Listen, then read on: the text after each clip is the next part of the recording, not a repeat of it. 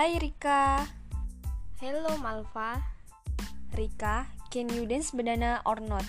If you can, please teach me. I have a dance practice.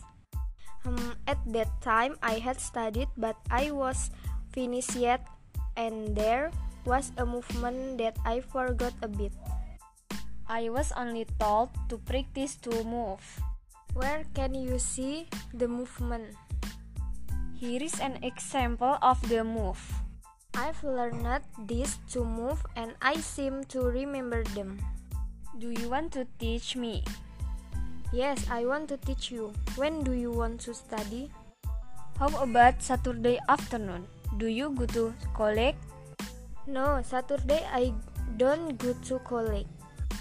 Okay, Saturday afternoon I will go to your house, okay?